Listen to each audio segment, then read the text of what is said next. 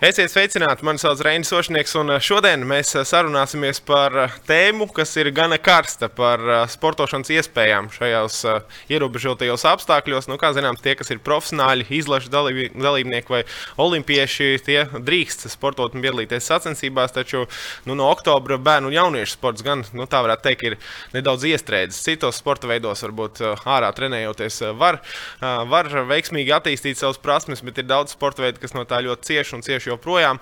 Un, eh, tieši tāpēc šodien parunāsim par to reālo situāciju, eh, kas šobrīd notiek eh, sportā, īpaši ar bērniem un jauniešiem.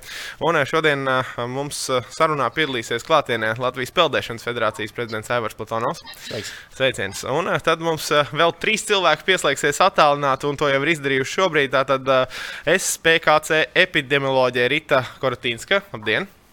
Labdien! Vieglatlētīgs treneris, bijušais olimpietis Viktors Lācis. Un sporta mīlošs kardiologs ārsts Andrejs Ērglis. Esiet sveicināti!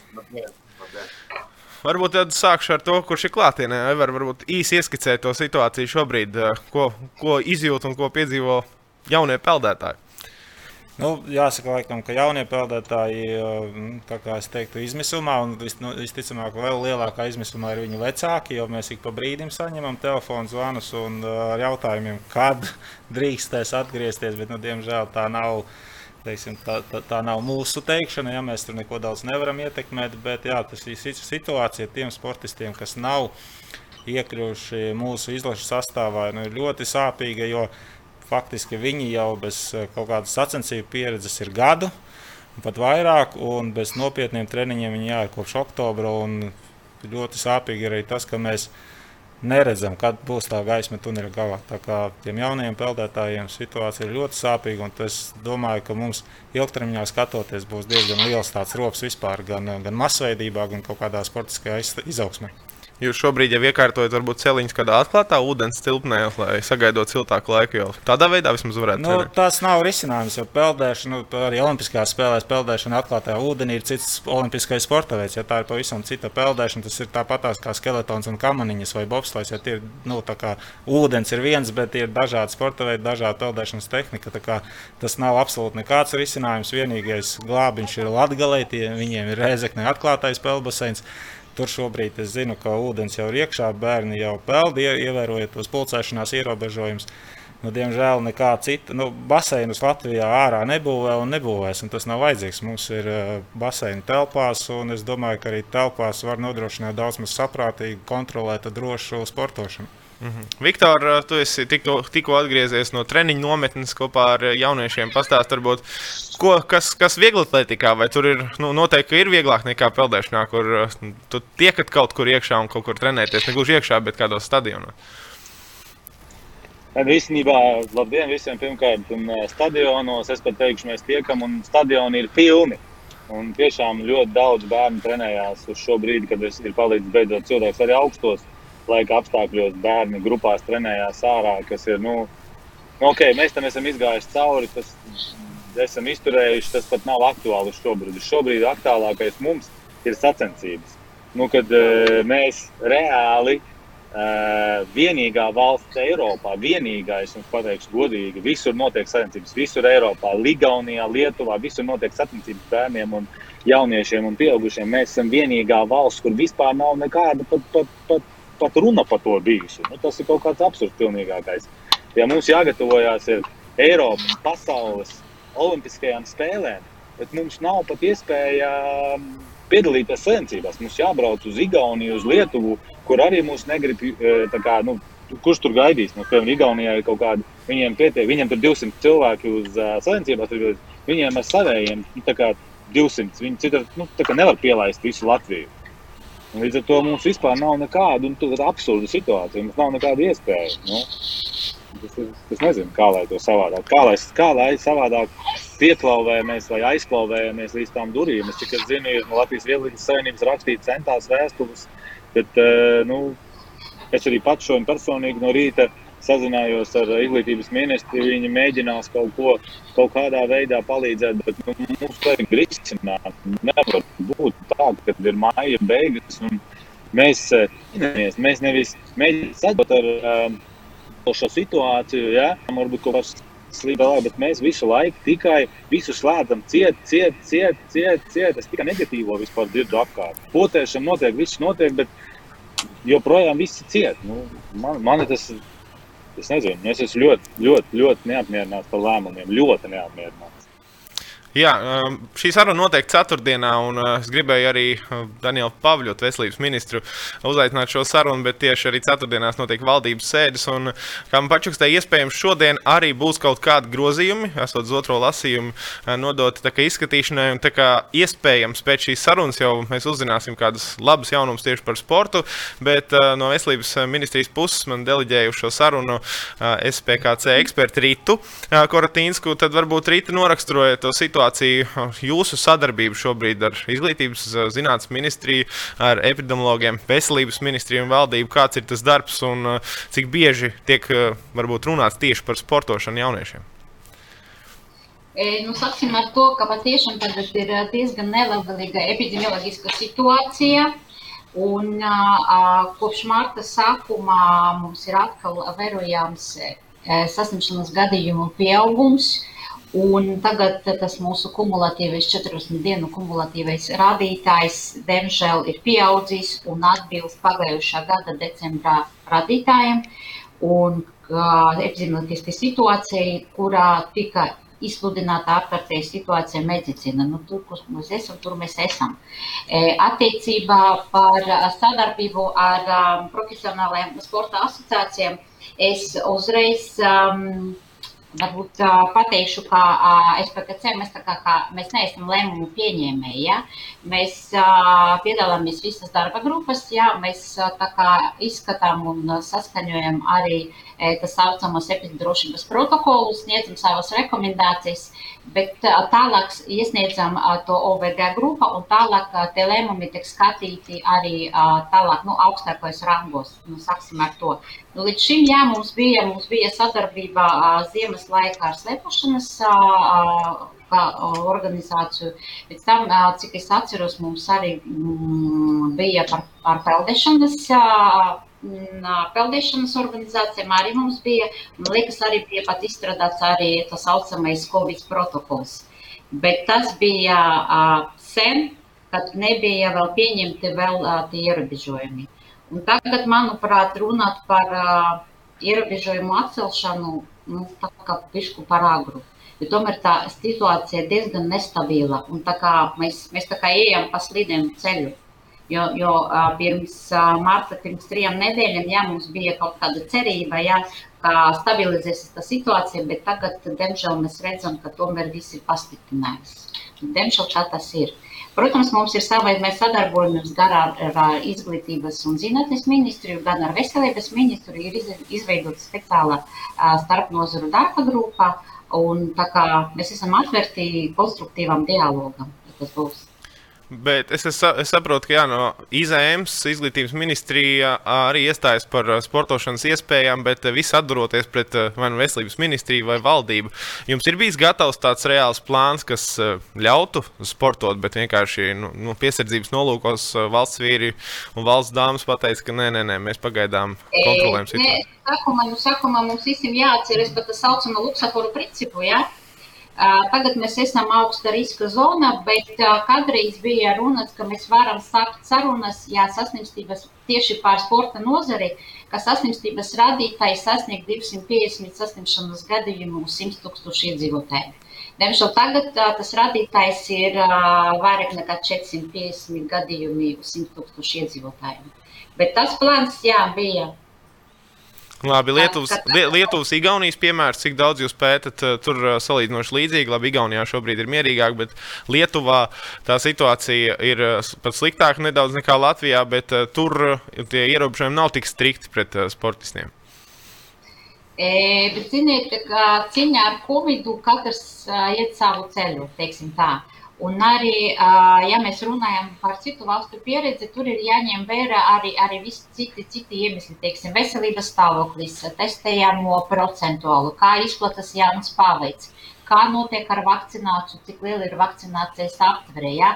Un visu laiku skatīties un runāt, tur kur Igauniem ir labāk nekā, sliktāk varbūt nekā mums, bet viņi, viņiem viss ir vaļā. Nu, mēs arī vienkārši ne, nevaram paļauties vienkārši uz, uz citu kaimiņu citu pieredzi. Un arī, un arī bija tas piemērs, ja, ka Lietuva, Lietuva bišku nostabilizēja situāciju, ja, un uh, tika atcelti visi ierobežojumi, ja, un, un divu nedēļu laikā viņiem arī bija pieaugums, un uh, viņi arī bija spiesti arī uh, atgriezt atpakaļ visus uh, ierobežojumus.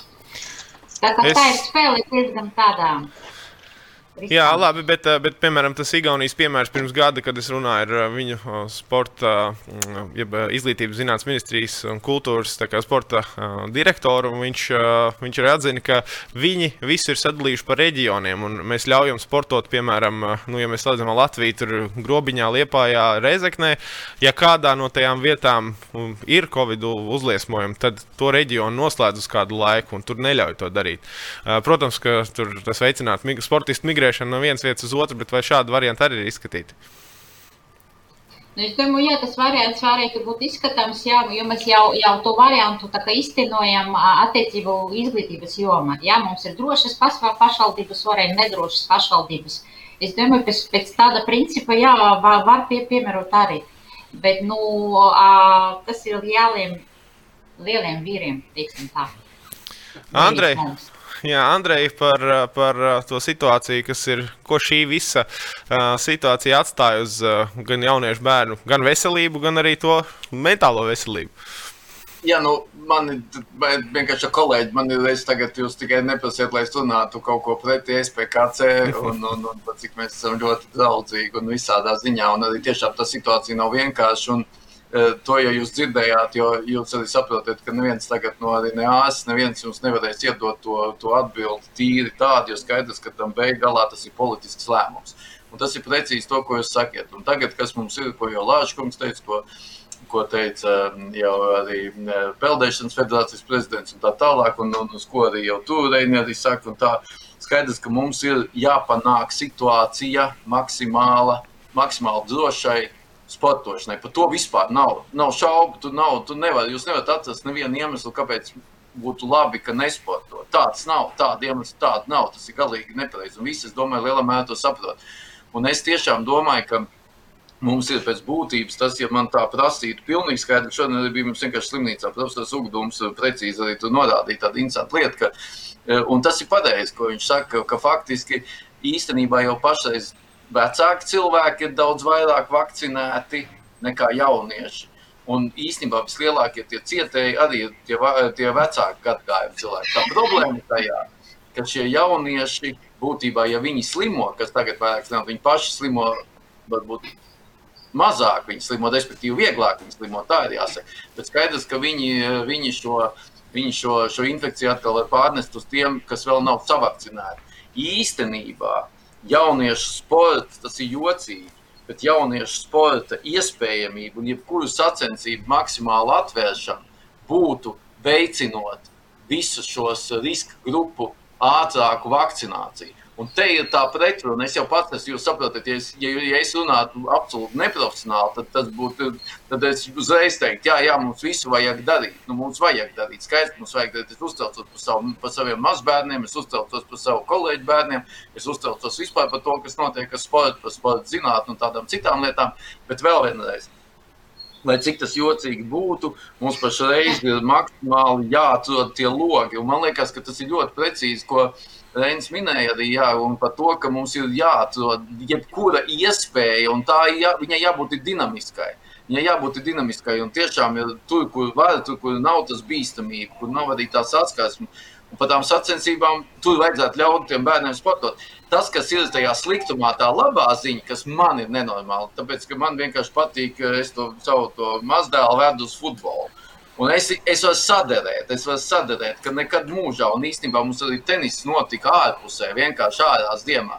Un tas ir tas stāsts, ko es atceros savu bērnību, kad nebija tās zāles, un ka mēs tagad esam tā pieraduši. Visi tādi jēli, tur visi diezgan tā jēli. Diemžēl man, nu, labi, varbūt es esmu vecs cilvēks, un man tā vecāks, un man tā, tā tas liekas tā, bet mums ir, teiksim, tā, ir, ir pietiekami izlutināta, arī izņemot, es nezinu, par specifiskiem sporta veidiem. Tas neatiecas uz peldēšanu, jūs ļoti labi saprotat to, to stāstu, un arī, arī uz, uz, uz telpu, vieglatlētiku un tādu, bet ka viņi sporto ārpusē, un tas ir ļoti svarīgi. Bet tas nenozīmē, un piemēram, par tām sacensībām arī es to labi zinu, jo tāpēc, ka mums arī tur tenisists tagad brauc, jaunie tenisisti brauc uz Igauniju uz mačiem. Un, un es domāju, ka tur ir jābūt drusku elastīgākai pieejai. Bet tas ir tas, kas runājot, ir drusku tāds organizatoru jautājums. Tas ir organizatoru jautājums par kā mēs varam to nodrošināt, šo elastību. Bet tas, ka tas, un es nu pat arī palasīju drusku, ko Kanāda saka, un Kanāda saka, ka viņiem ir tiešām liela tā problēma, ka viena trešdaļa apmēram no tiem sportot gribētājiem Viņi uztraucās, ka viņi neatgriezīsies vairs sportā, kas ir ļoti slikta ziņa. Tā ir tiešām ļoti slikta ziņa. Un, un, un, un es arī es, es tiešām ļoti labi saprotu profesionālu sporta trenerus, kas ir ieguldījuši darbu, kur tie bērni ir auguši un, un, un arī kas ir tālāk. Un tādēļ es vēlreiz aicinu, protams, ka ne SPKC, bet arī tomēr nākt ar, ar, ar idejām par to, kas tad ir tie, kas varētu sportot. Jo pieņems, jau izlases visu laiku var trenēties telpās, un tas, ko arī minējāt jūs par to, ka baseinā var būt, var būt tie, nu, protams, tas ir tā kā tā cena un tā, bet var būt līdz tiem, līdz tiem četriem cilvēkiem. Es domāju, ir jādara katrs šis mazais lodziņš ir jāatrod, lai varētu to sportošanu uzsākt. Un otra lieta ir vakcinācijas aptver. Mums ir, manā skaitā, skatā būtu jārunā vēlreiz ar epidemiologiem, kas ir nevis tikai šis kumulatīvais rādītājs, jo, nu, mēs diezgan labi zinām, mēs visu mūžu ar epidemioloģiju nodarbojamies ne gan ar to infekciju, bet ar epidemioloģiju. Mēs zinām arī, ka mums būtu jāskatās uz to ja, testu skaitu un daudzām citām lietām. Bet tā kā jau teicu, arī, tā kā jau teicu arī kundze, ka mums ir faktiski ir, atkal pret vakcinētiem. Mums ir maksimāli jāskatās, kas būtu par to aptvēri. Kaut arī mēs nedabūsim uzreiz to pūļu, eh, varbūt to imunitāti. Tomēr par vakcinācijas aptveri, kad mēs būtu tās riska grupas novakcinējuši, ka faktiski vai arī atraduši tāpat kā tagad ir pēc tam tikai tie, kas uh, kas faktiski ir, ir vakcinēti. Nu, pa, te ir pa bērniem ir grūti, jo pieaugušiem būtu vienkāršāk. Pieaugušiem būtu skaidrs, ka jūs esat vakcinēti, jūs esat pilni vakcinācijas kurs izgājis. Varbūt varētu pārdomāt to, ka, nu, es nezinu, kā tas izskatītos, bet būtu tāds vakcinēt, vakcinēt, vakcinēto senioru līgas un tāds, vai arī pat pieaugušo līgas. Ar bērniem pašreiz tie nav vakcinēti. Un te būtu jādomā vienkārši, kā viņi tālāk neapdraudētu tos citus, bet tas, ka viņiem nepieciešams sportot, tur nav Tur nav vienkārši. Tur, tur tāpat nav diskusijas. Skaidrs, ka tās ir mentālas lietas, tās ir fiziskas lietas, tās ir vecākiem mentālas lietas. Nu, tas, ir, tas ir, protams, ļoti slikta situācija, kura ir jārisina. Bet es arī ceru, tā es dzirdēju to, ka pašreiz notiek aktīvas diskusijas. Un, un īsnībā tur katru dienu tas ir jāsaka. To nevar teikt, ka tagad mēs pēc mēneša vai pēc trīs nedēļām vai vēl kā. Faktiski tikko situācija labojās, dinamiski vajadzētu kaut kā mēģināt to, to uzlabot. Tas ir mans viedoklis. Bet, protams, es arī saprotu, ka, ir, ka tās ir diskusijas.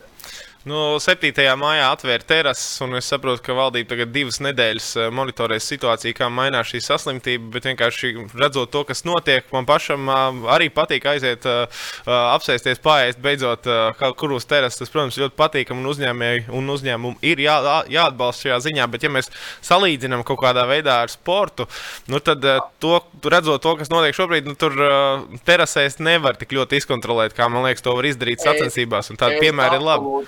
Es absolūti piekrītu. Tā, manuprāt, arī ir zināmi dubultstandarti. Tam es absolūti piekrītu, jo es arī es dažreiz nebraucu no darba tik ātri, bet es arī vienkārši, ka braucot mājās un arī redzot to faktiski to, to ārkārtīgo cilvēku pašreizējo pulcēšanos dažādi, es arī domāju, ka Tur ir, tur ir tā lieta, saprotiet, ir viens, ko, nu, protams, ko nevar izkontrolēt, tādu, bet es pie, piekrītu, ka varbūt ir jābūt ļoti stingrām vēlreiz tām kontrolēm, kas attiecās, bet es nedomāju, ka tā sportošana būtu tā. Cits jautājums ir tas, cik tālāk tas bērns ir, ja viņš tiekās ar to nevakcinēto, varbūt Jā, bet nu, tagad arī vairāk ir savakcinēti. Es domāju, ka 400, būs 400, 500 tūkstoši savakcinēti. Tad mirklī jau mums tā situācija būs drošāka. Kaut arī mēs nebūsim pilnībā tā puļu imunitāte nebūs. Bet ja es pie, piekrītu, ka, nu, ja, ja, ja tās terases var, kas patiesībā sakot, arī gandrīz uzstāts, labi, tas svaigs gaiss, bet ja cilvēki tik tuvu kopā, ka, ka atklāti sakot, tā, ka tā sportošana ir noteikti jātaisa vaļā. Jā, nu, šo mēs varam noteikti uzskatīt kādu, kā tādu gan eksperimentu, gan piemēru, nu, to, ka paskatīties, kā tā vīrusu izplatība būs pēc, piemēram, divām nedēļām ar atvērtām terasēm. Rita, vai ir izskatīts uh, variants, ka šādi pat paeksperimentēt atļautu sacensības, piemēram, ar sporta organizācijām, pateikt, ka jūnija pirmajās divās nedēļās lūdzu organizējiet sacensības, un mēs tagad jūnija 3. un 4. nedēļā paskatīsimies, uh, kāda kādi ir dati pēc tam, vai arī šāds variants ir izskatīts? Mm, Neesmu dzirdējusi par tādu eksperimentu. Pagaidām neko nemācīšu komentēt. Neesmu mm. par sportu vispār tā kā kaut kāds klusums. Bet ir kāds, kurš, jā, bet ir kāds, kurš nu, konkrēti cīnās par sportu tieši ar jums, sadarbībā ar jums? Vai tās ir organizācijas vai izglītības zinātnes ministrija? Izglītības zinātnes ministrija, jā, un veselības ministrijas darba grupā. Jā, un arī uh, profesionāli, jā, asociācijas. Bet pārsvarā izglītības, izglītības ministrija, jo sports mums zem izglītības ministrija, un viņiem liekas, ka viņiem bišķi aktīvāk jāiet ar saviem priekšlikumiem. Okay, pirms mēs Andreju un Ritu laidīsim darbos, es gribēju uh, pastāstīt, ko es uzzināju šodien sazinājoties, uh, sazinoties ar Igauniju un Lietuvu. Un sākumā vārds Igaunijas kultūras ministrijas sporta direktoram Tarvī Pernam. Right now the current situation is that uh, uh, everybody, not depending on the age, is allowed to uh, practice indoors two plus two option, which means basically only individual training, no group trainings. And we are not opening indoors the competitions for the youth. They they can uh, Uh, until the end of May, they can only practice uh, individually. Uh, and uh, outdoors, it is allowed to uh, practice right now up to 10 persons in group, but starting from Monday, it is allowed until 25 persons in group, which is normally the the full size of the of the groups. Tālāk, Tarvī par to, ka 25 cilvēki jau tātad drīzumā varēs ārā. Tāda futbola komanda pilnīgi mierīgi varēs vien, vien pret otru uzspēlēt. Bet sazinājos arī ar Lietuvu. Linas Obcars, kas izglītības zinātnes un sporta ministrijas, ministrijas ministra vietnieks, viņš stāsta arī, ka līdzīgi kā mums, protams, sports profesionālais ir atļauts izlasēm olimpiešiem, bet apmēram 4 mēnešus norit, visi pasākumi, kas bija telpās parastai tautai un bērniem jauniešiem, bija slēgti. Bet no ap, ap aprīļa ir atļauts mazās grupās 20 kvadrātmetri jānodrošina vienai personai, varbūt 10 personas vienā grupā. Baseini visu laiku bija cieti, bet tagad viņi vērs vaļā baseinus 2-3 nedēļu laikā. Aivar, tu sazinājies atkal ar kādu sporta organizatoru tieši Lietuvā, ja, kurš saka nedaudz citādāk informāciju. federācijas pārstāvjiem, jā, tā situācija nav tik, nu, precīzāk būtu teikt tā, baseini ir pieejami, ir atļauts trenēties grupām līdz 5 cilvēki vienā grupā uz grupu 30 kvadrātmetru. Viņu problēma ir tā, tāda, ka neviens jau negrib vērt vaļā baseinus pie šī tik neliela pieprasījuma, jo tas ir finansiāli neizdevīgi. Bet Lietuvā reģionos trenējās, izlases simts cilvēku trenējās Klaipēdā, bet pa visas Lietuvas reģioniem ir baseini, kas strādā un laiž iekšā šos interešu izglītības grupas. Eh, nedrīkst cilvēki no malas iet, nedrīkst, jā, bet tāda grupa, kas ir iepriekš jau bijusi, tā kā mūsu gadījumā tās varētu būt sporta skolas, arī viņa gadījumā, ja pašvaldība vai privātais peldbaseins ir gatavs eh, finansēt šādus, nu, faktiski strādāt ar zaudējumiem. Tad viņiem tas ir atļauts. Jā, mums atkal ir baseini, ir gatavi strādāt, bet nav atļauts. Viņiem ir otrādi. Mm -hmm. nu, mēs zinām, ka. Jā, Andrej, tu. Nē, nē, es tikai gribēju teikt, nu, jūs redzat, tur jau arī nu, mēs jau tā, mums vienmēr liekas, ka tur, kur mēs neesam, tur ir tā zāle zaļāka, bet jūs jau arī redzat, ka viņi runā arī ļoti uzmanīgi, un arī tie, tās ir tās divas, trīs nedēļas, un tagad arī tikai viņiem atļaut. Ja, ja Reinis saka, ka tagad valdības tēdē kaut kas tiek minēts, īstenībā tas ir tas, ko es mēģinu arī pateikt, un ko laikam Rīts kundze arī mēģināja pateikt, ir visu laiku monitorējot šo situāciju, ir jāmēģina radīt šis spiediens, lai mēs visu laiku pa drusciņai, pa drusciņai kaut ko atveram. Varbūt ne uzreiz visu, jo tomēr ir jāsaprot tā otra puse, ka mēs nedrīkstam atvērt kaut ko tā, lai mums pēc tam būtu viss kaut kas pilnībā jāizdara. Kaut gan es arī ļoti ceru, un man ir dziļa pārliecība, ka pieaugot tai vakcinācijas aptverēji mums tā lieta uzlabosies. Bet, bet, bet kā jau jūs dzirdējāt, īstenībā arī nu, nu, tur ir Nu, tur ir konsolē jābūt stingrai, bet es, man liekas, ka tā ir. Ka varbūt ir vēl vairāk sporta sabiedrībai pašai jāpietiek. Vispār, es jau nesaku, ka mums ir slikti darīts. Mums jau arī rudenī bija tā lieta, un arī tur atkal zālēs viss kaut kas notika un tā tālāk. Bet varbūt arī sporta sabiedrībai pašai ir jānāk arī tā, kā jūs tagad sakiet, kopā ar, ar, ar SPKC un ar, arī ar, ar citām institūcijām un jāmēģina vienkārši dot šos priekšlikumus, kas varētu būt šie, šie, šī drošība. Un, un, un arī tā varbūt tas piedāvājums. Varbūt tur dažreiz arī ir tā, ka ir grūti to izstāstīt, ja cilvēks ikdienā pats ar sportu nenodarbojas. Aivar, tu rakstīji arī rakstu Delfos, un pats bija uztaisījis tādu mazu pētījumu ja, par divām sacensībām, kur nu, bija vairāk nekā 200. Trīs, jā. Nu, ja tas ir tas, ko arī Ērgļa kungs minēja. Nu, būtu jāmonitorē situācija, un tas, manuprāt, ir sliktākais, kas šobrīd netiek darīts. Mums ir faktiski piecus mēnešus atļauts federācijām rīkot izlašu treniņus un starptautiskas sacensības. Mums šajos piecos mēnešos varēja uztaisīt jau to eksperimentu, par ko tu minēji, ja, paskatīties, vai tā vīrusa izplatība šādā sporta zālē, pelnbaseinā vai citā sporta telpā, sporta objektā ir, nu, kā viņi tur notiek, vai ir tā vīrusa izplatība. Jo šodien, šobrīd sanāk tā, ka sporta nozare principā cieši tāpēc, ka visur citur ir ļoti augsts saslimstības rādītāji. Sports jau sen ilgstoši ir ciet, Un tā, ka viņš bija vaļā, tie saslimstības visā tajā ainā kopā bija zem 5% saistīti ar sportu.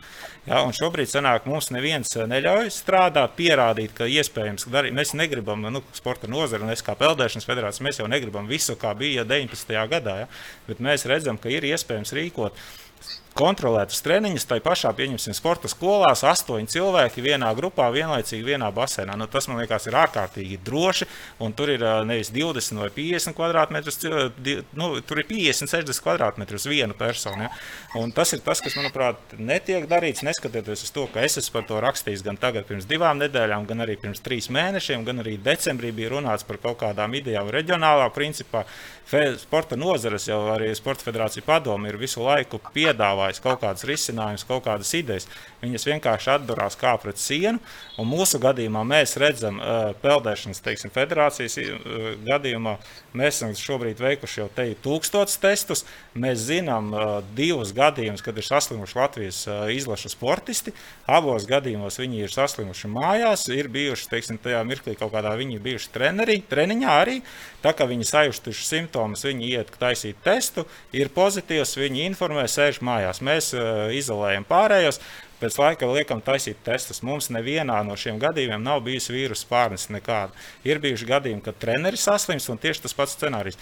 Es domāju, mēs šobrīd ciešam, tāpēc, ka citur visur ir slikti. Bet nu, līdzīgi būtu jādara. Tas nav, nu, nekur jau nav teikts, ka sports ir bīstams. Protams, ja salaistu simts cilvēkus vienā bāzē, tad tas tā notiktu. Bet, jā, es pies... tūlīt atlaidīšos, bet es varbūt gribēju to aivar teikt, to komentēt. Man liekas, ka tā ir ļoti laba pieredze. Un es tikai gribētu tiešām um, mūsu to SPKC uh, nu, tādā ziņā noteikti visādi atbalstīt, jo viņi ir darījuši tādu nenormālu darbu. Saprotiet, tu uzskati kapacitātes trūkums, tādēļ es vēlreiz saku, piemēram, šīs ziņas būtu jāapkopo. Es, es, es godvārds, tas ir ļoti nopietni. No šiem maziem ieģelīšiem arī faktiski ceļās tā pieredze, jo mums ir daudzus gadus nav bijušas pandēmijas Mums ir spāņu gripa 200 gadus atpakaļ. Ja? Mums ir labi, tur melnās baks, kurš to atcēlās vai tur padomju savienības laikos, tur 60. gadu, 50. gadu beigas varbūt un tā. Ja? Un, un, un te ir druskuļās tas stāsts, ko jūs sakiet. Tāpēc es domāju, ka sabiedrībai tieši ar šiem datiem būtu ārkārtīgi nozīmīgi uh, nākt klajā, kas ir tā vairāk. Jo es arī saprotu, ka tā pēcteikšana varētu būt daudz vairāk, un īpaši šiem jau klases sportistiem un arī sacensībām. Nu, tā kā būtbuļs viņi taistajās un tā, jā. Bet es atvainojos, mīļo kolēģi, es esmu visā pār visu bet, bet man vienkārši drusku jānodarbojas vēl kādu to medicīnas. Jā, protams. Paldies liels par uh, viedokli, Andrej. Un uh, atvadoties arī rītu, jūs laidīšu to projām, bet varbūt tāda īsa prognozīta par to. Vakcinēšanās šobrīd notiek, siltais laiks ir klāt. Uh, kā jūs prognozējat, nu, cik mēnešu laikā varētu parādīties kaut kādi sportam labvēlīgi mm, ierobežojumi atcelšana? Nu, ziniet, ļoti grūti prognozēt, ļoti grūti prognozēt un sēdēt, jo es jau teicu, ja, ka situācija ir diezgan uh, neprognozējama. Mēs nevaram tā kā saprotamēt no vīrusu. Jā, teiksim, ja mums būs vakcinācijas aptvere vismaz 70%, lai būtu mums kolektīva imunitāte, jā, tad mēs varēsim runāt. Jā, bišku mazāk būs tas saslimstības radītāji, ja, ka es runāju varbūt par 250 gadījumiem, tad mēs varam runāt, bet es vēl vienu reizi varbūt aicinu, nu, varbūt bišku aktīvāk, es nezinu, nu, kaut kā proaktīvi rīkoties, ja, iet uz izglītības ministru, iet uz veselības ministru, ja, rakstīt epidrošības protokolus, nu, kaut kā, Bet es saprotu, ka sporta organizācijas to dara. Es esmu no vairākām to dzirdējis. Tā kā nav, nav, nav tā, ka viņi būtu izdomājuši. Lēmumu pieņēmēji ir vesela grupa. E, un, kā, protams, mēs esam atvērti arī sadarbībai, jā, bet arī ņemot vērā mūsu cilvēku resursus un kapacitātes, nu, arī, arī saprotiet, mēs esam tikai cilvēki, ne tikai epidemiologi, bet tikai cilvēki, un arī mēs esam nogurusi no visa tā. Diemžēl. Jā, bet paldies, paldies uh, par to, Jā. ko jūs darat. Un, uh, mēs turam īkšķi, lai visiem kopā izdodas uh, pēc iespējas ātrāk atgriezties tajā Jā, dzīvē, ko pieredzējām pirms tam. Paldies, Rīta, lai veiksmīga diena arī jums. Viktor, tu kādu laiku klusāks esi bijis. Pastāsti, varbūt, vai jūs esat līdzīgi arī kaut kādu statistiku, kā Aivars veikuši, kad ir kaut vai atgriežoties no sacensībām, kur kāds jaunietis ir saslims, nav saslims, kāda ir tā situācija? Tāpēc man ļoti patīk Peldēšanas federācijas viedoklis par to, ka nav konkrēti ņemts vērā varbūt tas, ka, piemēram, vieglatlētikā, nu mums, es, es tiešām, mums bija gadījumi Murjāņu sporta skolā, kur bija saslimti, bet kur bija gadījumi, kurus mēs uzreiz izolējām, kā jūs teicat, ielikām karantīnā, pārējo pa grupām izolējām un tā saslimstība tālāk nekur neaizgāja, mēs uzreiz norieģējām. Bet atklāt sakot, savā sporta skolā un tikko biju nometnē, nodzīvojām mēnesi. Nu, mums nav bijis neviena gadījuma. Es, es pat nezinu, citur vieglietikā vai vispār kaut viens gadījums ir bijis. Tāpēc ir jāņem, ir jāskaidro šādas lietas, ka nu, nu nav, mums vieglietikā nav vienkārši. Es pat teikšu, ja runājam par 5% visā sportā, es domāju, vieglietikā ir 0,01% saslimis. Un tas, tas ir tas, kas, manuprāt, būtu uh, jāņem vērā un pēc tādiem principiem jādzīvo. Vēl pēc, pēc ko es gribēju pieminēt, uh, manuprāt, nu arī uh, es šoreiz varbūt, nu, kā, kā var notikt sacensības telpās, ja, piemēram, basketbolā, ne, man nekas nav pret basketbolu vai pret hokeju un tā tālāk. Visur, tur, kur reāli ir tā saslimstība notikusi, par kur mēs runājam, par 5%, kur ģērbjās vienā telpā un tā tālāk. Un, tā tālāk. un vieglatlētikā, individuālajā sporta veidā, ne, nav atļauts. Kā tā var būt? Kā tā ir pilnīgi demokrātiskajā republikā, pilnīga diskriminācija sporta veida, kur nav gadījumi, salīdzinot ar sporta veidu, kur ir gadījumi, viņiem atļauj, mums neatļauj. Kādā veidā tad uh, eh, SCKP šito visu izskaidro? Es, nesaprotu, es vispār nesaprotu tos lēmumus. Viņi runā, visi slikti, visi slikti. Es, es zinu, ka viņi ir noguruši, ka viņi daudz strādā. Mēs arī esam noguruši un daudz strādājam. Mēs arī uh, uzņemos atbildību, kā trenēju vai braucu uz nometni par saviem bērniem, ko es tur vedu. Un tā tālāk, pret vecākiem, un tā tālāk. Tāpēc kā viņiem ir jāuzņemas kaut kāda atbildība. Manuprāt, tur bija arī tāds kaut kāds atbildības trūkums, atbildības baidīšanās, ka tik kaut kas nesaskatās, ka tik kaut kas nenotiek. Nu, Tāpēc mēs esam. Mēs esam treneri savā vietā, uzņemas atbildību par saviem bērniem, par nometni, kad brauc, ka kāds saslims. Jā, man būs jāpaliek tur, jā, man būs jāatbild. Es uzņemos atbildību par to. Man liekas, ka cilvēkiem bišķiņ tomēr vajadzētu vairāk uzņemties atbildību par to, ko viņi dara. Nu, diemžēl, tāpēc, tu, ja tu pretendē vai uzņem konkrētu amatu, tu zini, ka tajā amatā tev būs atbildības, jā, jā, jānodrošina atbildīgi kaut kāda lēmuma. Bet šī gadījumā es redzu tikai tādu nevis lēmumu pieņemšanu, bet visu laiku kaut kādas baidīšanās, ka tik, ka tik, ne, ka tik kaut ko neatveram, ka tik kaut ko neizdaram, ka tik kaut kas nenotiek. Un tā nevar strādāt, tā nevar dzīvot. Ja es kā, tā, kā treneris tā strādāšu, ja, ka tik ne, ne pa daudz tur vienu atkārtojumu noskrienu, vai, vai varbūt tur noskriesim vēl atkal sastiepšu aizmugurī. Ja es šitā trenēšu savus bērnus, nu, es nekad dzīvē nevarētu būt augsts sasniegums sportists. Nekad. Vai sporta treneris, kurš sasniegs kaut kādus rezultātus. Nu, nu, tas mans apkopojums. Es, es uzskatu, ka uh, stadionos ir stadions, ir drošākā vieta, ja, kur var notikt sacensības. Nu, nu, es nezinu, neko drošāku. Es Nu, jā, varbūt tur atsevišķas disciplīnas izņemt ārā. Ja? Ko tu saki? Internets drošākā vieta. Internets ir drošākā Jā, vieta. bet, ja es drīkstu piebilst, te ir tā divas lietas, kas ir nu, man liekas, tas ļoti nepatīkami. Man bija konstatēt uh, visā šajā stāstā, nu, kas ilgst jau vairāk kā gadu, ir tas, ka pirmkārt, nu, man liekas, ļoti skumji ir tas, ka mums, uh, kas rūpējās par sabiedrības fizisko, mentālo, garīgo veselību, ir jāiet, jālabē tas, lai bērniem būtu iespējas nodarboties ar fizisko Jā. aktivitāti un rūpēties Jā. par savu veselību. Jā, man šķiet, tas būtu jāiet, jādara lobēšanas darbs. Tas ir uh, alkoholisko dzērienu tirgotājiem, azartspēļu un tā tālāk. Ja? Ne jau tiem, kas ir visas sabiedrības interesēs, kuras pārstāv arī ministrija, ja zināmā mērā būtu jāiet un jācīnās par katra bērna iespējām nodarboties ar savu izraudzīto sporta veidu.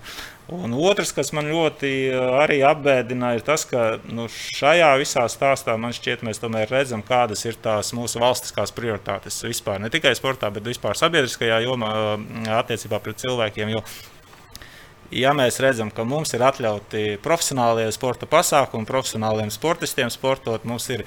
Es uh, nepaspēju apkopot datus, cik īsti ir bijušas jau startautiskās sacensības, visādi pasaules čempionāta kvalifikācijas turnīri un kas tik vēl ne.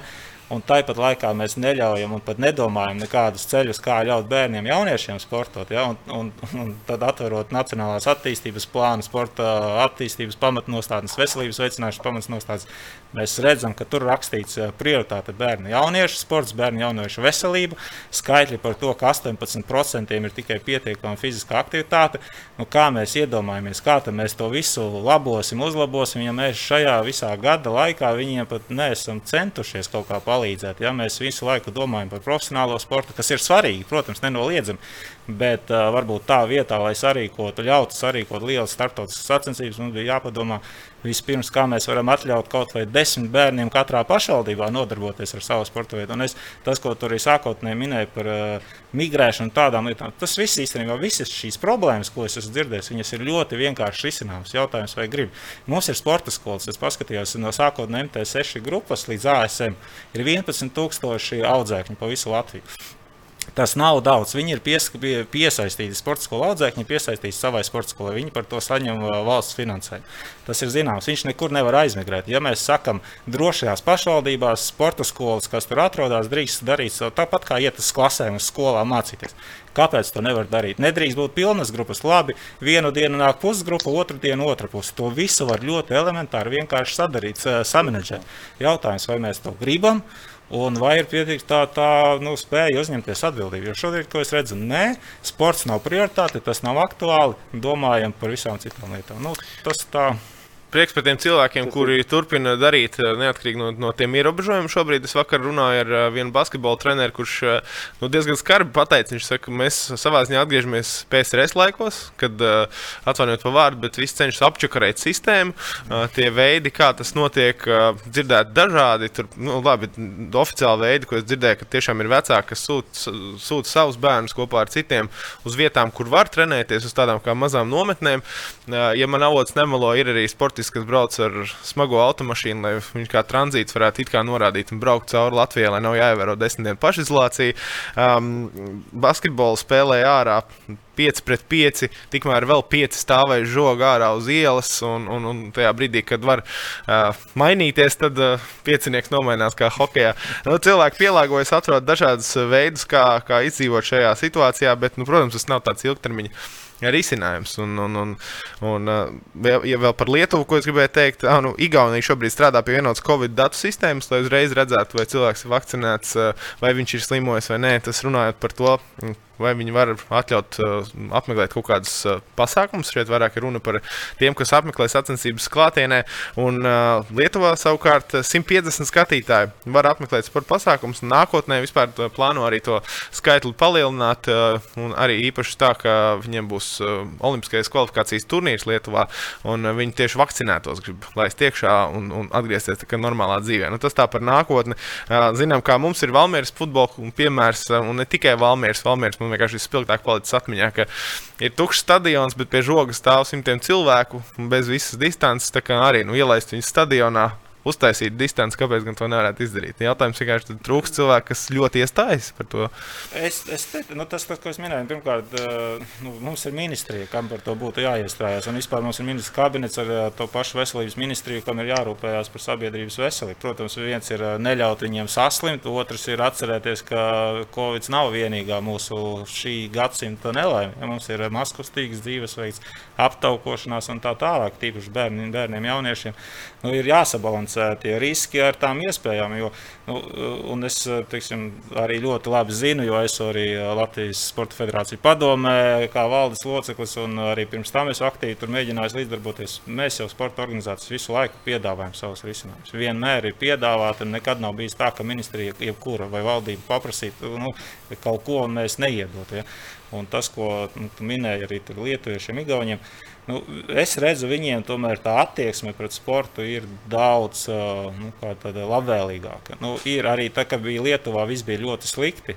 Nu, tā, bija tas pilnais lockdown, saucamais. Viņiem, es runāju, federācija. Viņi, Viņiem atļāva, izdomāja veidu, kā drīkst tie, un viņus pat nesauc. Mūsu gadījumā ir visu laiku runa par izlašu sportistiem un profesionāliem sportistiem.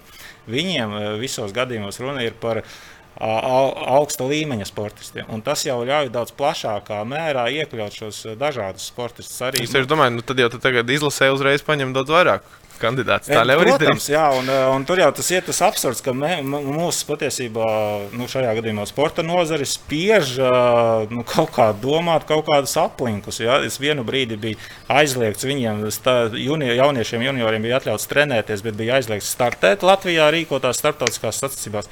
Un, ja mums bija viens sportists, kuram jābrauc tu, tuvākajā laikā, piemēram, uz Eiropas junioru čempionātu, man jau nav variantu. Man ir vai nu viņš jāatsaka, un tad man viņš, šis, šis gads viņam ir zaudēts, vai nu man viņš jāliek pieaugušo izlasē. Un sanāk, mums, mēs esam, mūs spiež domāt kaut kādus tādus aplinkus ceļus. Ne jau mēs to gribam, un ne jau mums tas ir izdevīgi. Ne no mums tā ir kaut kāds finansiāls labums, nekas. Vienkārši mēs rūpējamies par savu sporta veidu, katra federācija, un mēs zinām, kur tajā mirklī kas ir vajadzīgs.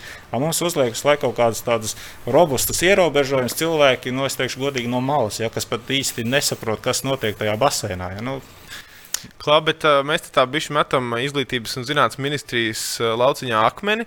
Uh, es tā jūtu vienkārši arī no SPKC puses, bet es, es Severu kungu šodien gribēju sazināties, bet neizdevās. Acīm, viņš ir aizņemts visu dienu, bet uh, viņa viedokli uzklausīt, protams, uh, bet uh, no daudzām sporta organizācijām es dzirdēju, ka tieši Izēms un Šuplīnsks un, un Severs ir tie, kur cīnās par to sportu. Tad, kur ir tas, kur ir tas jā. iztrūkstošais? Uh, kā, kā jūs gadījumā, Viktor, tu esi izjūts, ka cīnās to? Jā, es, es, es personīgi, es, saku, es šodien personīgi runāju ar Šuplīnskas kundzi.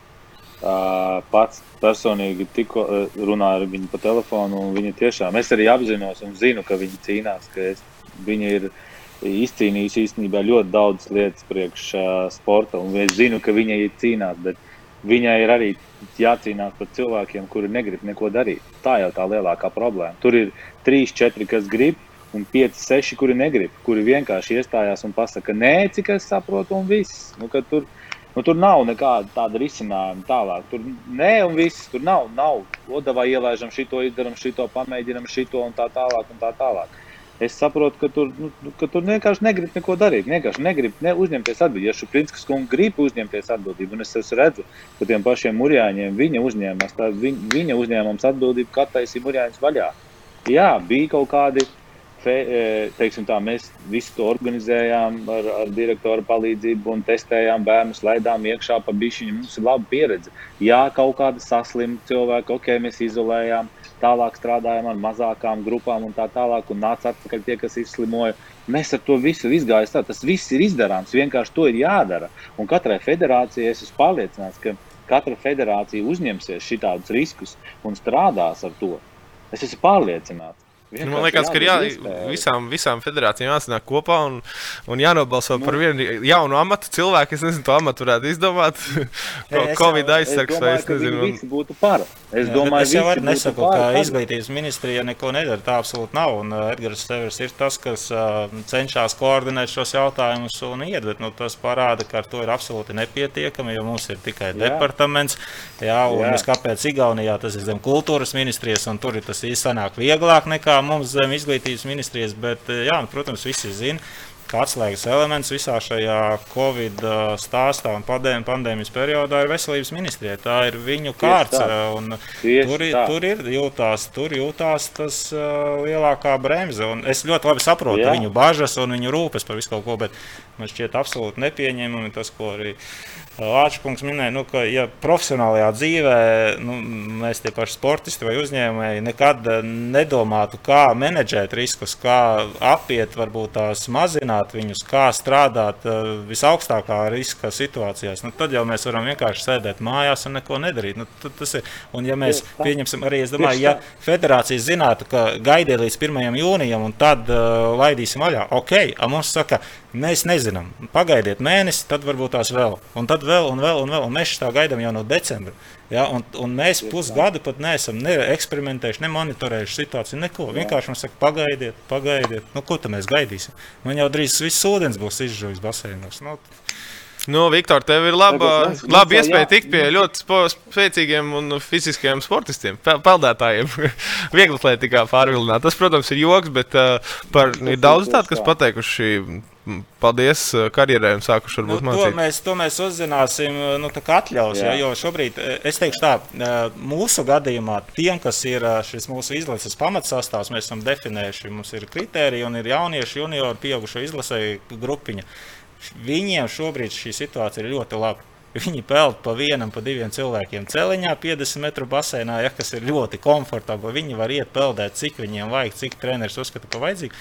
Viņiem šādā ziņā pat situācijas pieļauj, ka ir ļoti laba un eh, tāda, kuru viņi līdz šim nav izbaudījuši. Jo parasti basēni ir pilni, viņiem nāk komercgrupas virsū, viņi nevar patrenēties ilgāk un tā tālāk šajā jomā viss ir teiktu, daudz maz kārtībā. Ja? Mēs tur jūtamies, domāju, sportisti šobrīd jūtas diezgan komfortabli. Tāpēc varbūt arī šodien mums tikko vēl viens Latvijas rekords labots. Bet uh, tiem, kas nav tikuši tajā iz, izredzēto pulciņā, kas ir bijuši par jaunu, nevis par sliktu, ja, bet par jaunu, vienkārši lai sasniegtu šos rezultātus, un viņiem gadu nedot iespēju iekļauties šajā izlases kaut kādā sastāvā. Nu, tur būs, es domāju, tur būs pamatīga bedra. Nu, viņi neatgriezīsies, jo viņi pat būs aizmirsuši, ka vispār kaut kas tāds ir un priekš kam tas vajadzīgs. Ja? Tur es domāju, tas, ko Erglekungs minēja, ja 30% neatgriezīsies, pieļauju, mums būs apmēram tas pats. Un, ja mēs ņemam vērā, ka mums tikai 18% bērnu sporto, Nu, tad vēl no turienes noņemt 30. Nu, tur, ir, nu, tur ir uz redzēšanos sports un fiziskā veselība. Un pēc desmit gadiem mēs atkal veselības ministrijai būs jāmeklē papildus nauda, lai viņus visus ārstētu. Viktor, tu pats esi izgājis cauri un ticis līdz olimpiādai, un arī no jaunības dienām sportojis. Tagad tu vari salīdzināt, ko nozīmē izkrist vienu gadu ārā. Nu, labi, pilnīgā, pilnībā jau šie sportisti nav izkrituši no aprits, eh, bet nu, sacensības nav. Ir jāstrādā ar viņiem mentāli noteikti, lai sagatavotu vispār un noturētu viņus tajā sportā. Cik daudz atzina, ka tieši ar motivāciju jāstrādā. Tu gatavojies kaut kam, bet nezini kam. Tev nav kur to visu parādīt, tev nav sacensību. Nu, es, es, es neesmu tik skeptisks par šādām lietām. Mēs esam atraduši veidu, kā vienmēr, eh, kā trenēties ārtelpās, ja kad nevarēja iekštelpās. Mēs mēģinājām, kad varēja iekštelpās, mēs mēģinājām mazas grupas organizēt. Es taisīju varbūt pa divu nedēļu cikliņiem, ka mēs iekšā patrenējāmies visas dienas garumā. Protams, man kā pedagogam darbs bija sācis 8 no rīta un beidzas 10 vakarā, ja, jo mazās grupās. Bet tajā pašā laikā es par to nesūdzos. Tā nav tā problēma. Un tāpēc es teikšu tā, ka es neesmu izjudis to, ka eh, nu, varbūt kā, kā minēja Peldēšanas federācijas prezidents, par to, ka jaunākās grupās ir izkrituši varbūt kaut kāda bērnu motivācijas trūkums, piekritīšu. Bet es teikšu, no 13, 14 gadiem un augšu, nu, es neesmu izjūtis, ka kāds būtu aizgājis šī iemesla dēļ. Jā, protams, daudz jautājumu ir, kad mēs varēsim sākt sacensībās piedalīties un tā tālāk, un tā tālāk. Un tā tālāk. Bet, uh, bet es to neesmu izjūtis. Bet pat lielākā problēma, es saku, ar tiem bērniem, ar tiem uh, pirmā, otrā, trešā, ceturtā, piektā klasē man pašam ir uh, divi puikas. Vienam ir deviņi gadi, kas sēž mājās un pat pa vēlam neko nevar darīt, ieslīdis computerē un ar katru dienu lielākā, lielākā depresijā krīt. Es nezinu, kā es ar to visu tikšu galā. Es cenšos ar katru dienu kaut kādā veidā motivēt. Es esmu nopircis mājās tenisa galdu, boxa maisu, pievilkšanās stieni. Viņš ir to, nu, es, es visu laiku kaut kādā veidā mēģinu viņu tā kā kā ar mazu bērnu. Man nosa gals, man viss mājās, man liekas, viss sporta ekipējums jau saprast, kaut kādā veidā viņu motivēt, lai viņš kaut kādā veidā, nu, ne, tiešām nenobarojas, nepaliek ar lieku svaru un tā tālāk, un lai viņš vispār kaut ko grib darīt. Tā kā, nu, tā. Bet es vēlreiz atgādinu, es lūdzu, tiešām es lūdzu, lai beidzot.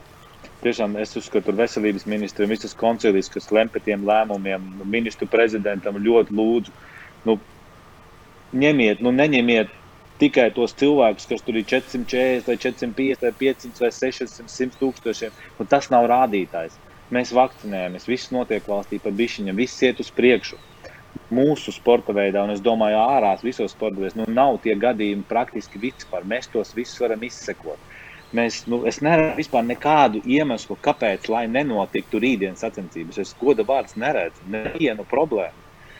Es esmu pārliecināts, ka federācijas ir piekristu man, ka viņas ir gatavas uzņemties atbildību un uh, sacensības organizēt tajā pašā laikā, pa visiem, ja arī tur kaut kāda saslimstība ir, reaģēt un tā tālāk, un tā tālāk, un tā tālāk. Nu, ir jādara, un mēs nevaram sēdēt un gaidīt joprojām. Nu, nevar tā, ka mēs visu laiku kaut ko gaidām. Tā, tas vīrus arī pēc gada, diviem, arī un trīs, ne, protams, trīs gadus aiztaisim visu cietu un nekustamies samārā sadzīvot ar to vīrusu. Nu, tas ir, ko mēs dzirdam katru dienu, bet citas valsts pasaulē to dara, un mēs to nemēģinām. Mēs tikai dzirdam visu laiku negatīvo. Nē, nevar 500, tūk, 500 cilvēku atkal un tā un tā, un mēs katru dienu to negatīvo tikai maļam uz priekšu, uz priekšu un uz priekšu. Nu, ir jāizbeidz, ir jārada iespējas. Tas ir viss, ir jā, jāizbeidz šī negatīvā pasaule apkārt. Nē, nav tik slikti viss. Un arī vēl viena lieta, uh, ja mēs runājam par bērniem un jauniešiem, nu, tā saslimtība bērnos jaunieši arī ir. Nu, viņa nav tik smaga. Man meita izslimoja, man sieva izslimoja, es pats izslimoju, man bērni ir apkārt, kas ir izslimojuši. Nu, nu, tas viss tiešām. Nu, Nu, es nezinu, protams, jā, es arī uztveru to nopietni, to vīrusu. Es uztveru visu nopietni, potēšanos nopietni, bet tajā pašā laikā nu, bišķiņ jānolaižās no zemes un nav jā, jā, jāķer krēķis tajā pašā laikā, nu, zinot to, ka ir sapotēti tie, tie vecie cilvēki. Tā riska grupa ir praktiski visa sapotēta. Tie slimnieki, kas tiešām problēmas ar veselību, kas ir riska grupa, arī ir sapotēta. Nu, jāsāk bišķiņi kaut kādā apzināties to un laist vaļā to visu un sākt nu, rīkoties un uzņemties, kā jau es teicu, pirms tam kaut kādas atbildības. Noraksturo lūdzu to situāciju mm, stadionā. Teicu, stadioni ir pilni. Kādā veidā notiek tas darbs šobrīd? Tur ir, tur netiec uz, uz smilšu kasti nosacīt, nu, tie, kas no tiem, kam tā nepieciešama, vai kāda ir tā situācija, vai viss tā miedarbība ir pārāk veiksmīga un viss strādā kā šveicis pulksners. Nu, tiešām nu, treniņi, nu, treniņi notiek un uh, grupās, kā ir atļauts, un uh, stadions tiešām ir pilns. Treneris strādā, protams, 24, 7, bet tajā pašā laikā es neesmu redzējis nevienu vai dzirdējis, treneri, ka viņi sūdzēt par to. Nu, ir mazas grupas un, un nu, viss notiek. Es nezinu, bet nu, nav sacensības. Mums vajadzīga sacensības kā ēst. Mums taču jābrauc uz Eiropu, uz pasaules, uz Olimpiskajām spēlēm, bet mums nav vispār paredzēts. Nu, nākošo, nu, nezinu, nedēļu, divu, trīs. Mums pirmā bija paredzētas jau nedēļu atpakaļ, vai divas nenotika. Tagad 22. atkal nenotika. Mums ir jāmeklē iespējas braukt uz Igauniju. Tagad nākošais pirmdien mēs braucam uz Igauniju. Pēc divām nedēļām saplānotīja Palangēlu. Mēs visur braucam apkārt, tērējam līdzekļus uz Covid testiem, uz viesnīcām un tā tālāk. Un tā tālāk atkal ejam ekonomikas sildam citās valstīs, tikai ne Latvijā. Kaut gan es neredzu nevienu iemeslu, kāpēc mēs nevarētu rīkot Latvijā sacensības. Nu, nevienu. Nu, Vieglatlētikā mēs konkrēti par vieglatlētiku runājot, nu, nu es tiešām es jums varu likt ar savu roku uz sirds un pateikt, to nu, mums nav vispār praktiski gadījumi. Es nezinu, neviens, kurš no kaut kādas no bērniem vieglatlētikā, nu, man sporta skolā vispār neviens cilvēks, neviens no bērnu saslims, neviens vispār. Murjāņu sporta skolā man, man liekas, trīs bērni, bet nu, bez simptomiem vispār. Man pašam bērns mājās bez simptomiem vispār kaut kādiem. Es, saku, es saprotu, ka tā ir. Um, tāda veida uzņemšanās no vecākiem, var izdomāt kaut kādus pārākstus no vecākiem, kas tiešām uzņem, kā, uzņemās to atbildību uz sevi. Tātāk, ja tur kādam vajag nodrošināties, sporta skolai nodrošināties, negrib uzņemties atbildību, lai grib tie vecāki uzņemt to 99,9% vecāki uzņemsies par savu bērnu atbildību un gribēs braukt un piedalīties sacensībās un treniņos. Nu, tā, tā nevar. Tas pats, kas pa nometni tagad. Ja ļoti daudz pašvaldības nebrauca, Un, bet daudz brauc arī ar šādiem nosacījumiem, kad vecāki parakstīties uz to, ka mēs braucam uz nometni. Un viss kārtībā. Un, un, tā kā neviena gadījumā, atkal, tad, tad negribas nospēlēties, bet tiešām nu, bet Portugālē tad, vispār viss ir vaļā. Tu, tu teici, pirmās sacensības vēl gaidāmas jauniešiem tikai. Ja? Palangā. Nu, nu, gai, nē, nu, būs jā. Mēs tagad Bet- braucam pirmdienu uz Pērnavu sacensībām. Bet jūs esat jau pirms tam braukuši. Es konkrēti nē, es tikai atlidoju no nometnes. Uh, Es vienkārši domāju, nu, tu noteikti arī zini, nu, tas mēs šobrīd daudz runājam par tiem burbuļiem, kas ir profesionālajā sportā, kur tiešām viss ir ļoti strikti nostrādāts, varbūt ar dažiem izņēmumiem. Bet kā ir ar jauniešiem, vai tur tieši nav tā, ka tur ir nedaudz brīvāki tie apstākļi? nu, piemēram, es jums varu pateikt to, ka, uh, ai, uh, nu, labi, runāsim varbūt par Latviju un Igauniju šobrīd. Liga, Ig, Lat, piedošana, Lietuvā vispār nav nekāda ierobežojuma sacensībām. Tur nav ne 10, ne 20, ne 500, ne 6. Vienalga, cik grib, tik piedalīties. Igaunijā uz šobrīd ir 200 cilvēki, var piedalīties sacensībās. Līdz ar to man bija jālūdz direktors, lai mūs pielaiž vispār pie sacensībām. Jo man ir jāgatavojas bērniem gan uz Eiropas kausiem, gan uz Eiropas čempionātu, gan uz pasaules čempionātu, gan uz Olimpiskajām spēlēm. No kur lai, kur lai mums uz Olimpiskajām spēlēm vēl pusotras mēnešus un viss beidzās kvalifikācija? Ir bērni, kas ir, kam ir iespēja kvalificēt, brīdi netiek tikai tāpēc, ka redzēt vieniem, diviem vai pieciem cilvēkiem negribās riskēt ne ar ko. Un tas nav nopietni, vai ne?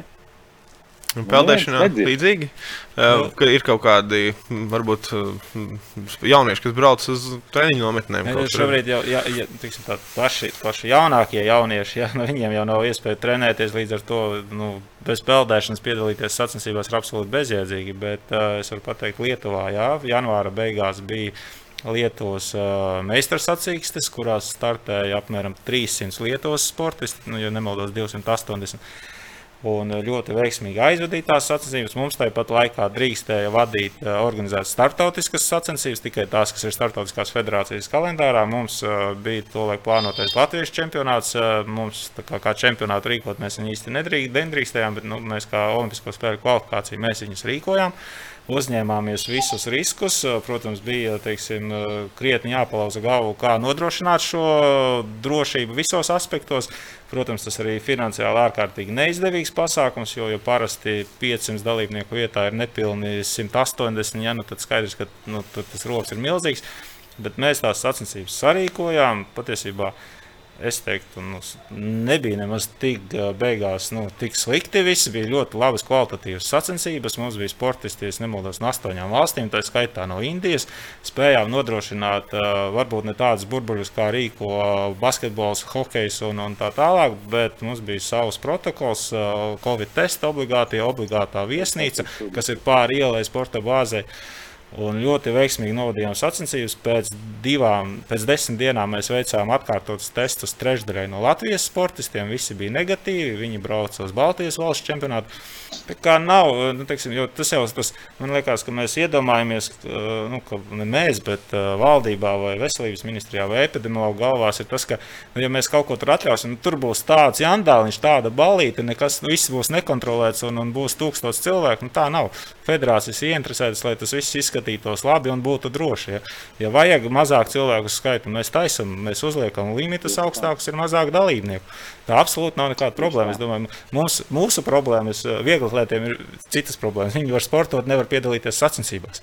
Mēs varam uztaisīt sacensības, bet mums visu laiku startē tikai viena tie paši 120 cilvēki. Vairāk jau nemaz netrenējās. Ja? Un tur ir tas, tas tāds tā absurds, jo mēs, kamēr Kamēr situācija, nu, tos 250, es domāju, mēs nesagaidīsim vēl ļoti ilgi, ja tos eh, kumulatīvo rādītāju. Tad, eh, nu, skaidrs, nu, nu, tur es nezinu, ko mums darīt tiem jaunajiem paudzei. Viņi sacensībās nekad netiks, jo viņi nemaz netiek uz treniņu. Tā kā sacensības nav problēma, bet uh, tas nav šobrīd mūsu sāpju jautājums. Nu, ko tad jāicina tie politiskie spēki, kam parasti priekšvēlēšana laikā uzrodas ekstra enerģijas, visā, visādas Bet, lietas diemžēl, sakārtot? vēlēšanas pēc gada tikai. Nu, sājum, ja mēs par saimnes Nu, vēlēšanām. Jā, bet nu, jā, nu, skaidrs ir viens, ka jums kā sporta federācijām, un cik es zinu, arī citas uh, federācijas ir gatavas pat rīkot arī uh, Latvijas čempionātu ārpus Latvijas. Tad uh, arī par tiem pašiem vieglietiem es dzirdēju, Dmitrijs Miļkevičs teica, ka Valgā uh, plānots Latvijas čempionāts, tāpēc ka tur var aizdīt sacensības. Um, savukārt uh, riteņbraucēji aizdīs arī Igaunijā Latvijas čempionātu uh, grupas braucienā, bet uh, individuālā brauciena, kas ir ļoti, ļoti svarīgas sacensības, uh, tiks nu, norganizēt vajag Latvijā.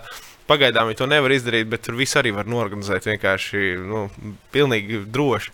Uh, vienkārši tas, ka federācijas domā, un no jūsu puses es arī dzirdēju, ka ir paši pētījuši, ir, ir pašiem plāni, kā to visu darīt. No valdības puses uh, izglītības zinātnes ministrija cīnās par jums, SPKC arī dara visu, ko var. Bet, kaut kur kaut kāds viens ķēdes posms iztrūkst. Nu, tad uh, tas atliek novēlēt to vienu aktīvo cilvēku, kurš, uh, kurš visu sporta federāciju vārdā ies un cīnīsies. Un Nu, tiks sadzirdēts, jo nu, šobrīd it kā runā daudz. Man, nu, nu jā, bet galvenais, lai es saku, mums ir jādomā viss savādāk, nu, jāpielāgo tā ikdiena, lai sadzīvotu ar to vīrusu. Nu, mēs nevaram visu laiku kaut cīnīties, sēdēt mājās. Nu, nu, viņš nekur nepazudīs. Nu, es neredzu to, ka pēkšņi mēs sapotēsim 50, 60%, un viņš pazu- pazudīs. Nu, nepazudīs. Viņš Nu. tāpatās mums ar to būs jāsadzīvo. Mums ir Nu, vēl pēdējā cerība, varbūt saima. Atliek uz saimu, ja viņiem izdevās tas ar terasēm. Mēs zinām, ka saima iepriekš arī deva valdībai rīkojumu iekļaut ministru kabineta noteikumos plānu, kā atjaunot sportošanas iespējas telpās. Nu, redzam, ministrs kabinets viņu viltīgi apgāja, ja, bet uh, tad varbūt tās atkal jāvēršās pie saimas, jāaicina, nu, tad vai saima arī padomā par tiem bērniem, jauniešiem, arī par savām atvasēm galu galā, jo ne visi ir uh, gatavi un spējīgi nodarboties ar vienu vienīgu sporta veidu, katram ir savs. Un, Nu, lai ļauj, saku, kaut vai tikai sporta skolu līmenī. Tas jau šajā situācijā būtu ļoti daudz. Un tas ir ļoti viegli kontrolējams, ļoti viegli uh, monitorējams. Un, ja tiklīdz būs kaut kas, būs ļoti viegli noraujams stopkrāns. Tur absolūti nav nekāda problēma. Jā, jā. Tas, kas Mūrjāņos mums arī, nu, kā, kā kaut kas notiek, mēs reāli uzreiz ieliekam karantīnā, noreaģējam, viss tiek izdarīts pēc labākās gribas un viss notiek. Nu, nu es, saku, es arī dzirdēju, varbūt būs tādi cilvēki, kas eh, domā, ka es tur noliedzu vīrusu. Es tiešām nenoliedzu to vi nenoliedzu vīrusu, viņa negatīvās puses ir cilvēki, kuri smagi pārslimo un iet bojā. Es uzskatu, eh, bet ne, tajā pašā laikā mēs nevaram sausi skatīties uz cipariem tikai visu laiku. Nu, Ja visu laiku, nu, nu, ja tad jau mums jāskatās, ka mums jāliek ciprus ar citām izraisītām pašnāvībām, depresijām un citām gadījumiem. Ja mēs saliksim tos ciprus, es domāju, ka viņi būs daudz lielāki nekā no Covid. Nu, jāskatās bišķiņ no nu, plašāk tās pat skatpunkta. Uh, nu, ir jāsadzīvo vēlreiz ar to situāciju un pamazām jāļauj cilvēkiem atgriezties uh, daudz maz normālajās uh, sliedēs. Nu, nu, es nezinu. Nu jā, paskatīsimies, nav, sagaidīsim. Nav, nav risinājumu.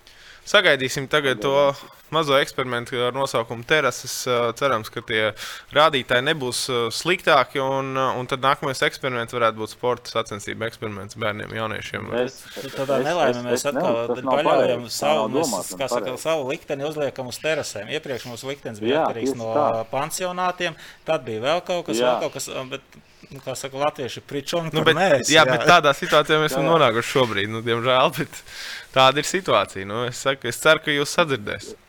Jā, paldies. Jā, bet jūs- to, jums jāsaprot arī to, ka šī gadījumā, nu, es domāju, ka uh, terasēs ir daudz, daudz lielāks risks, vai komandas sporta spēlēs ir daudz lielāks risks nekā individuālajā sporta veidā. Nu, daudz lielāks risks. Es domāju, ja mēs attaisīsim vieglākas sacensības vai peldēšanas, vai riteņbraukšanas, šoseis vai riteņbraukšanas, nu, tā saslimstība, ja arī būs, tad tā būs nu, nu, nu, nu, minimāla. Tāpēc mēs nevaram būt salīdzināmi ar terasēm vai ar, vai ar kādiem citiem sporta veidiem. Nu, tas ir pilnīgi aplām, es uzskatu, tā domāt. Pat. Mēs nevaram būt atkarīgi no terasēm. Tas, ir, tas nav pareizi. Paldies, Viktor! Paldies, Aivar! uh, Un uh, novēlu pavisam drīz rīkot sacensības un skatīties, kā arī bērnu un jauniešu kārtīgi sporto un sacenšas un parāda to, ko viņi tajos treniņos ir visu šī pusgada un pat ilgāk uh, laika gaitā ir sakrājuši. Tā kā, lai izdodas ātrāk atgriezties sportā, paldies jums, Vīri, par sarunu. Mēs ar jums tiekamies jau nākamajās sporta studijas podkāstu sarunās.